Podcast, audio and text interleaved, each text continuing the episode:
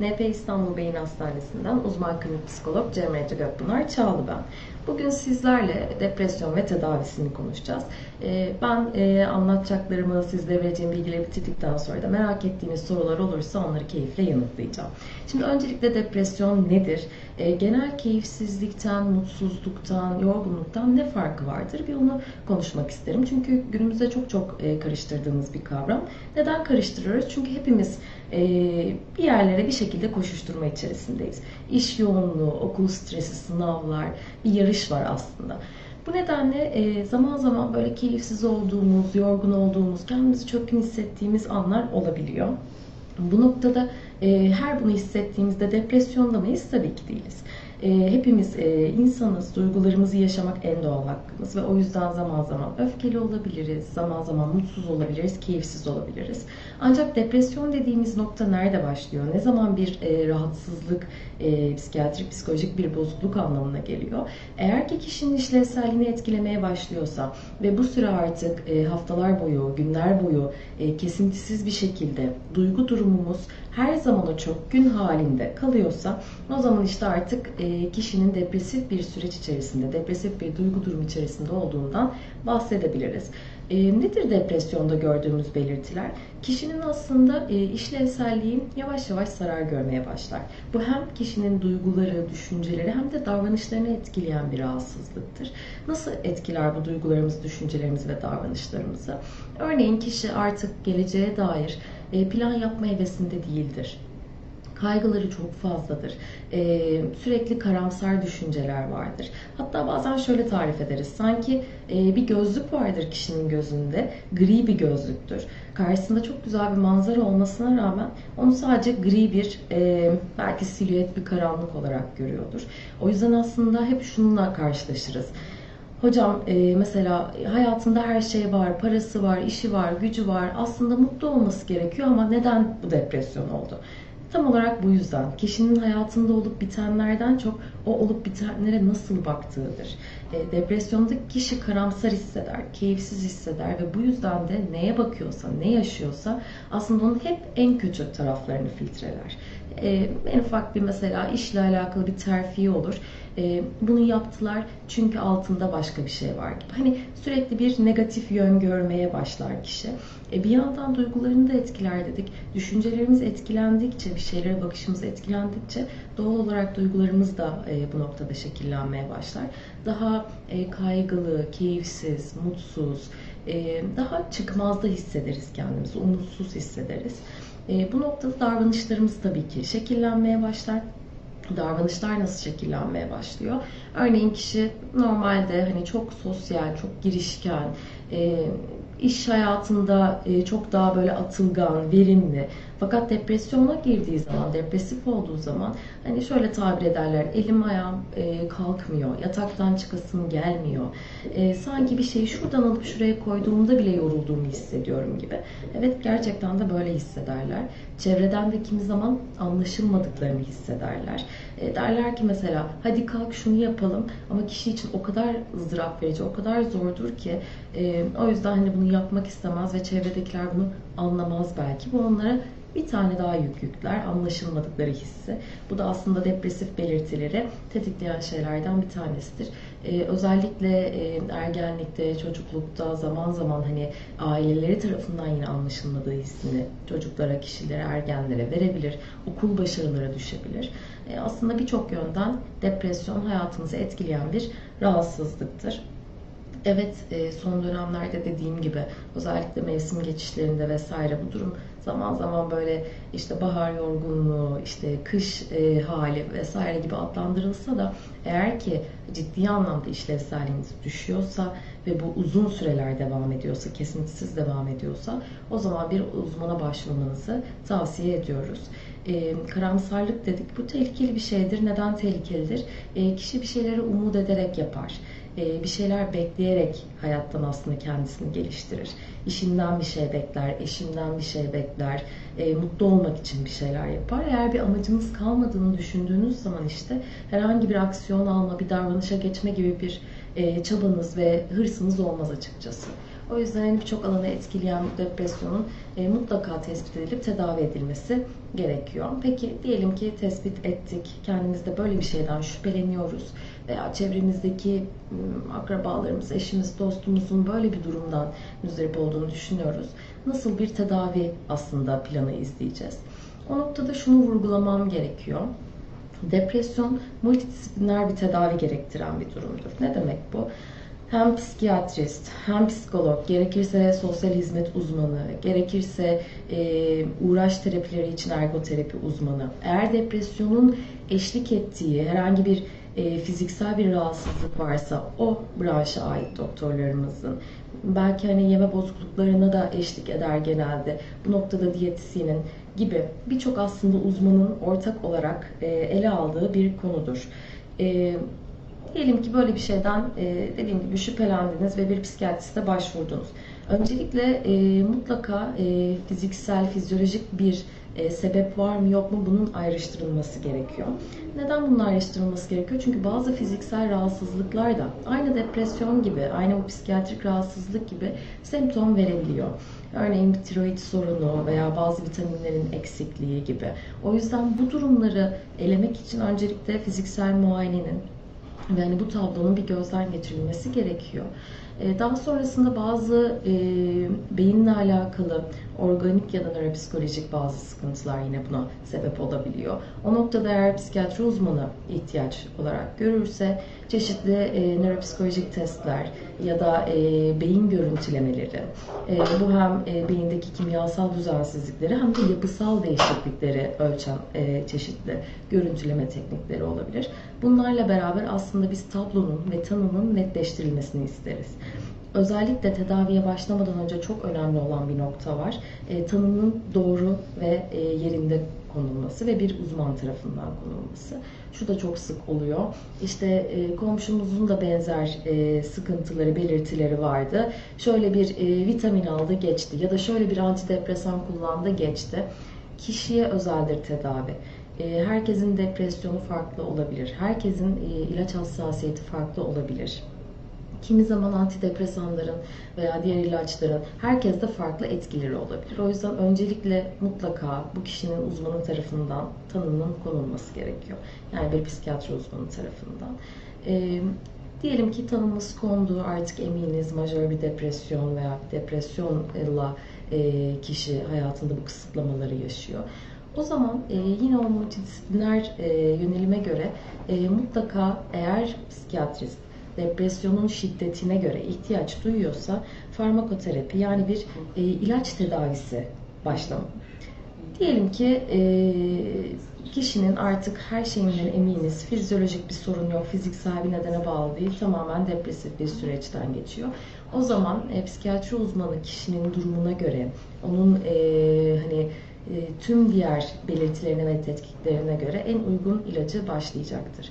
İlaçla beraber paralel olarak mutlaka e, bir psikoterapi desteğinin biz faydalı olduğunu düşünüyoruz. Özellikle bilişsel davranış terapiler dediğimiz e, kişinin hem biliş hem de davranışlarına yönelik yapılan terapiler depresyonda çok faydalı e, olduğunu düşündüğümüz ve sonuçlarını gördüğümüz terapi yöntemlerinden bir tanesidir. Neden bilişsel davranış terapi bu kadar etkili? İlk başta da bahsettiğim gibi depresyon kişinin hem bilişini yani düşüncelerini, duygularını hem de davranışlarını etkiler. O yüzden biz sadece bilişten tutarsak veya sadece davranıştan tutarsak bazen bazı noktaları eksik bırakmış olabiliyoruz. O yüzden biz ne yapıyoruz? Kişinin hem düşüncelerini, hem duygularını, hem de davranışlarını aslında terapide ele alıyoruz. Bazen şöyle bir yaklaşımda olabiliyor, çok duyuyoruz bunu tamam ben e, evden çıkacağım, ev işlerini yapacağım ya da şunu yapacağım ama önce bir kendimi iyi hissedeyim. Bu aslında e, yanlış bir yaklaşım. Neden? Kişi depresyondayken zaten kendisini iyi hissetmiyor. O yüzden kişinin iyi hissetmesini bekleyip ondan sonra davranışını yapmasını beklemek e, o kişi için en zor adım. O yüzden biz hep şunu söyleriz. E, bir düşünceyi değiştirmek, bir duyguyu değiştirmek daha zordur ama davranış değiştirmek bazen daha kolay olabilir.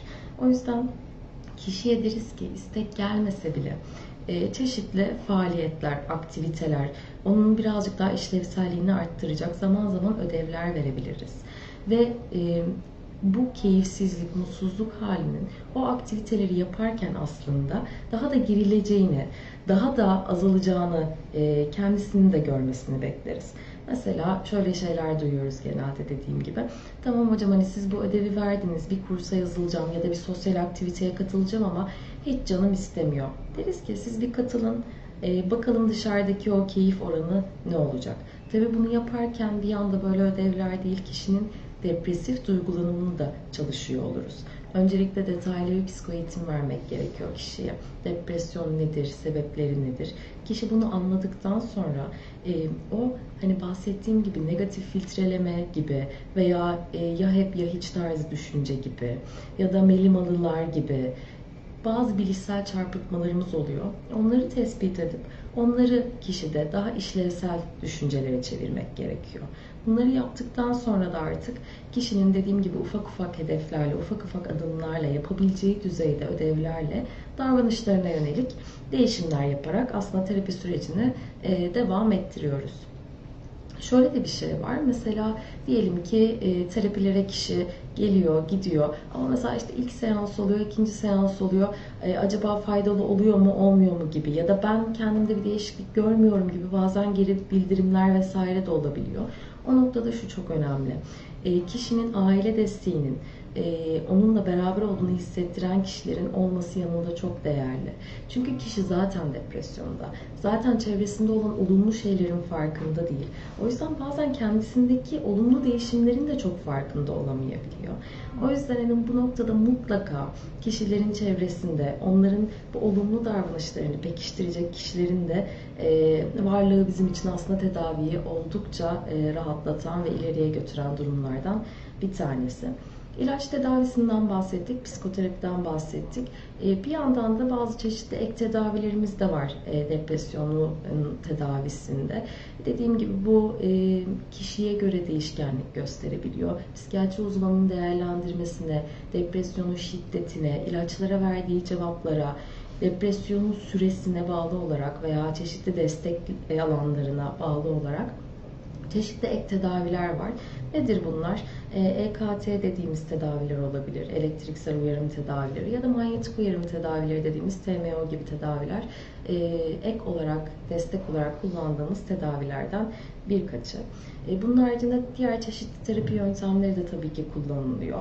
Kişinin yine bu bilişlerine, algılarına ve düşünce, duygu yönetimine yönelik veya farkındalığına yönelik, içgörüsüne yönelik, hastalığı tanımasına ve mücadele etmesine yönelik kişinin farkındalığını ve becerilerini geliştirecek tedaviler.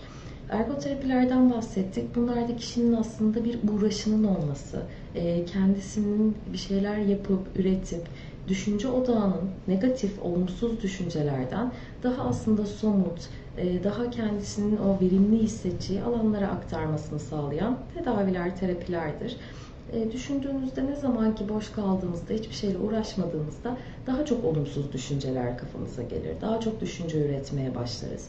O yüzden bu düşünceleri kovmaya çalışmaktansa e, onlar geldiğinde dikkat odağımızı değiştirmek her zaman için daha işlevsel bir yöntem olacaktır. O yüzden bu noktada ergoterapiler, gerektiği noktada eğer depresyona bağlı iştahla ilgili sorunlar olduğunda, yine fiziksel anlamda sorunlar yaşadığımızda da diğer branşlarımızın desteği bizim için çok önemlidir. Şimdilik benim depresyon ve tedavisiyle ilgili anlatacaklarım bu kadar. Ama sizlerin soruları varsa onları memnuniyetle cevaplamak isterim. Şimdi izleyicilerimizden gelen e, sorulardan biriyle başlamak istiyorum. Tedavilerden bahsetmişken ketamin infüzyon tedavisi. Bundan biraz ufak bahsedebilir misiniz? Aslında e, o da yine e, TMO, EKT gibi saydığımız bizim e, farmakoterapi ve psikoterapiye ek olarak e, yaptığımız e, depresyonda etkili bir tedavi yöntemidir. E, fakat bununla ilgili aslında bir psikiyatri uzmanının bilgi vermesi tıbbi bir girişim olduğu için çok daha doğru olacaktır. Ama şunu söyleyebilirim klinik gözlem olarak bizim burada uygulamalarımız açısından e, depresyonda oldukça faydalı ve etkili bir tedavi yöntemidir. Özellikle dirençli depresyonlar evet, için. özellikle. Peki e, depresyon hastası bir bireyle aynı evde yaşayan aile fertleri bu konuda ne yapmalı?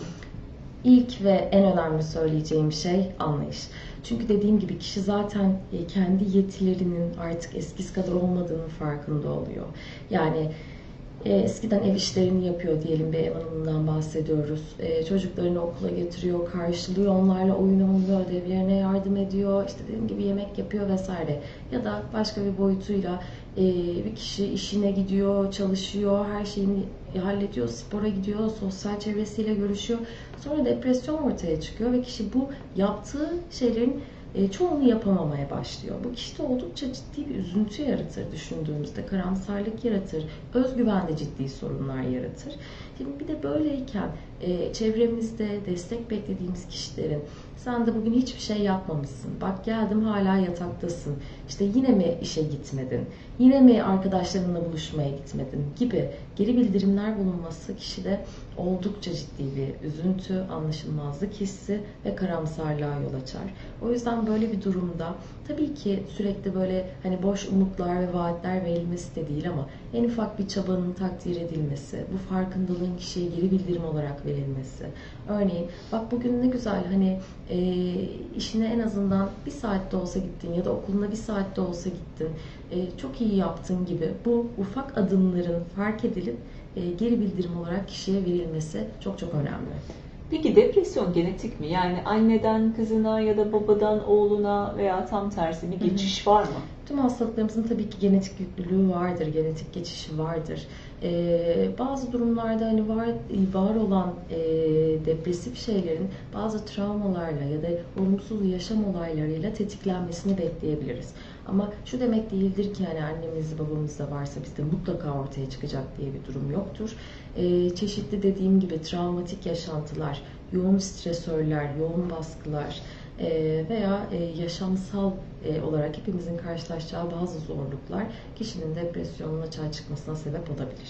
Peki depresyon hastası ilacını devamlı içmesi gerekiyor mu yoksa kendi bırakabilir mi iyi hissettiğinde? Bu soru için teşekkür ediyorum. Çünkü kişinin unutmaması gereken bir şey var. Nasıl bir ilaca doktor başlatıyorsa ve öyle olması gerekiyorsa o ilacın doz ayarlamasının ve ilacın kesilmesinin mutlaka bir doktor tarafından, psikiyatri uzmanı tarafından yapılıyor olması gerekiyor. Çünkü e, antidepresanların ya da herhangi bir psikiyatrik ilacın ya da bu herhangi bir ilaç için de geçerli. Başlanırken de bırakırken de kişide yaratabileceği bazı yan etkiler de olabilir, etkiler de olabilir. Bunların öngörülüp kişiye bu bilgilerin verilmesi ve takipte olması kişinin sağlığı açısından çok çok önemli. O yüzden tekrar vurgulayalım. Lütfen e, herhangi bir ilaca başlanacakken herhangi bir çevremizden, tanıdığımızdan aldığımız bilgi değil veya internetten aldığımız bilgi değil. Bir psikiyatri uzmanının bize uygun gördüğü ilaca başlanmalı ve onun uygun gördüğü süre boyunca dozda kullanılıp e, yine onun uygun gördüğü zamanda bırakılması gerekir. Peki e, depresyondan ilaç almadan nasıl çıkarız diye sormuş bir izleyicimiz. Depresyonun tabii ki şiddetine ve e, ne kadar süredir devam ettiğine bağlı olarak değişir aslında bu sorunun cevabı ama e, biraz önce bahsettiğim e, bu bilişsel davranış terapiyi içeren e, psikoterapiler kişinin depresyon tedavisinde e, çok ciddi bir yer e, kapsamaktadır. Onun haricinde yine e, daha demin bahsettiğimiz e, ek tedaviler de yine e, zaman zaman ilaç e, tabii ki ona destek ama bu tip durumlarda bizim için e, çözüm olabiliyor. Ama yine de dediğim gibi mutlaka bunun değerlendirilmesi gerekiyor. Ama e, psikoterapi e, depresyon tedavisinde oldukça etkili bir yöntemdir. Peki depresyondan bahsetmişken yine izleyicilerimizden biri sormuş. Bahar aylarında uyku normal mi? Çünkü bazen depresyon uyku ayında yapabiliyor. Evet daha aslında en başında da bahsettiğim gibi bazı semptomlarımızı karıştırabiliyoruz. E, işte bahar yorgunluğu diyoruz.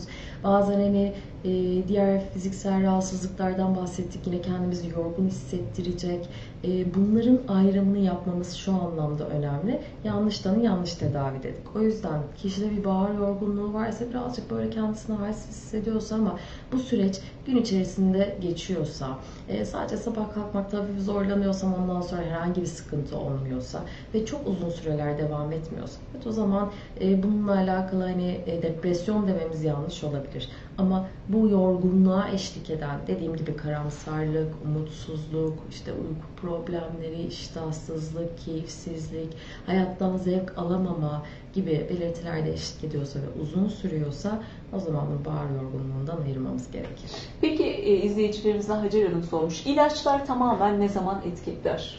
Şimdi genellikle e, şöyle de bir algı vardır ilaçlarla alakalı. Hani hemen başladığında hemen faydasını görür müyüz? Hayır bu konuda birazcık sabırlı olmamız gerekiyor. Tabii ki ilaçtan ilaca değişir ve bunu psikiyatri uzmanları çok daha net söyleyecektir ama genelde e, bu tip ilaçların hani etki sürelerinin e, bir aşağı yukarı 6 hafta gibi olduğu söylenir. Ama dediğim gibi bu konuyla alakalı zaten e, psikiyatri uzmanı başlarken ilaca mutlaka kişiyi bilgilendirecektir. Beklentinin hani hayal kırıklığı olmaması açısından. Çünkü şöyle de bir şey olabiliyor. Terapiler için söylediğim aslında benziyor. Kendi alanım için söylediğim ama ben bu ilacı içtim neden hemen faydasını görmedim? Hala mutsuzum demek ki hiçbir şey işe yaramayacak gibi. O yüzden bu noktada e, psikiyatristinize mutlaka ilaç verirken etkilerini ne zaman görmeye başlarım? Aşağı yukarı ne kadar beklemem gerekiyor gibi bu bilgileri de sorup bunun hakkında da hani bir doğru bilgi almaları e, onlar açısından e, faydalı olacaktır.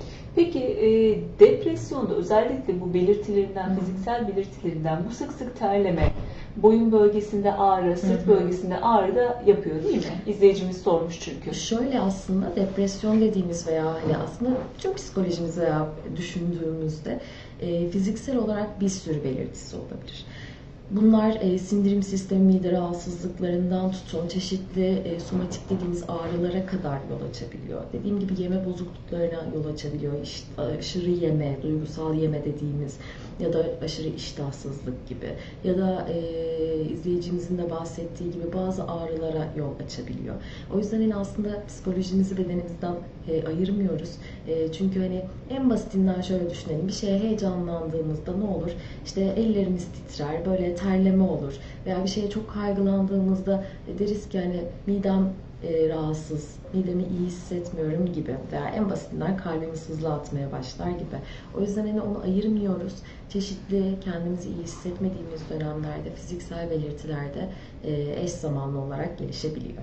Peki geçmişte e, kötü şeyler yaşayan mı, bunları unutmak isteyen bireylere öneriniz ne olur? Çünkü biraz da hani depresyon kişinin yaşadığı Evet. e, bu kötü e, olaylardan dolayı girdiği bir durum da Hı hı. ola- olabiliyor bazen. Bu konuda ne önerirsiniz? Şimdi e, depresyon eğer bir olaya bağlıysa, yaşam olayına bağlıysa, bir travmatik bir olaya bağlıysa sırf tabii ki depresyonu tedavi edip orada bırakmak yeterli olmayacaktır. Neden? Kişi bunu hatırladıkça, bu e, olayla yüz yüze geldikçe ya da hatırlatıcıyla yüz yüze geldikçe tekrar olumsuz düşüncelere kapılması muhtemeldir.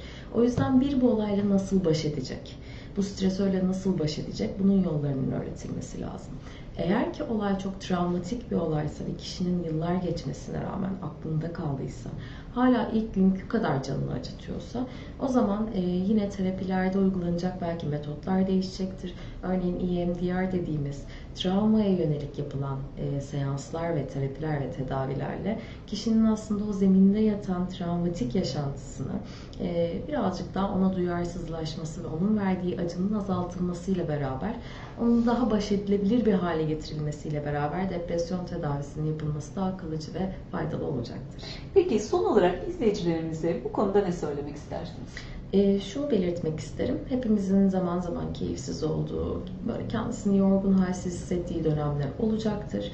E, tabii ki bunların farkındalığı, uzun sürdüğü noktada işlevselliğimizi bozduğunu düşündüğümüz noktada ya da çevremizden böyle bir geri bildirim geliyorsa e, mutlaka bir uzmana başvurup e, onun verdiği ilaçsa e, farmakoterapik tedavi ya da e, psikoterapi ise o anlamdaki tedavilerini aksatmadan ve hani e, diğer işte internet olsun, çevremiz olsun onların verdiği bilgilerdense uzmanımızın bilgisine güvenerek bu süreci tamamlamalarını tavsiye ederim.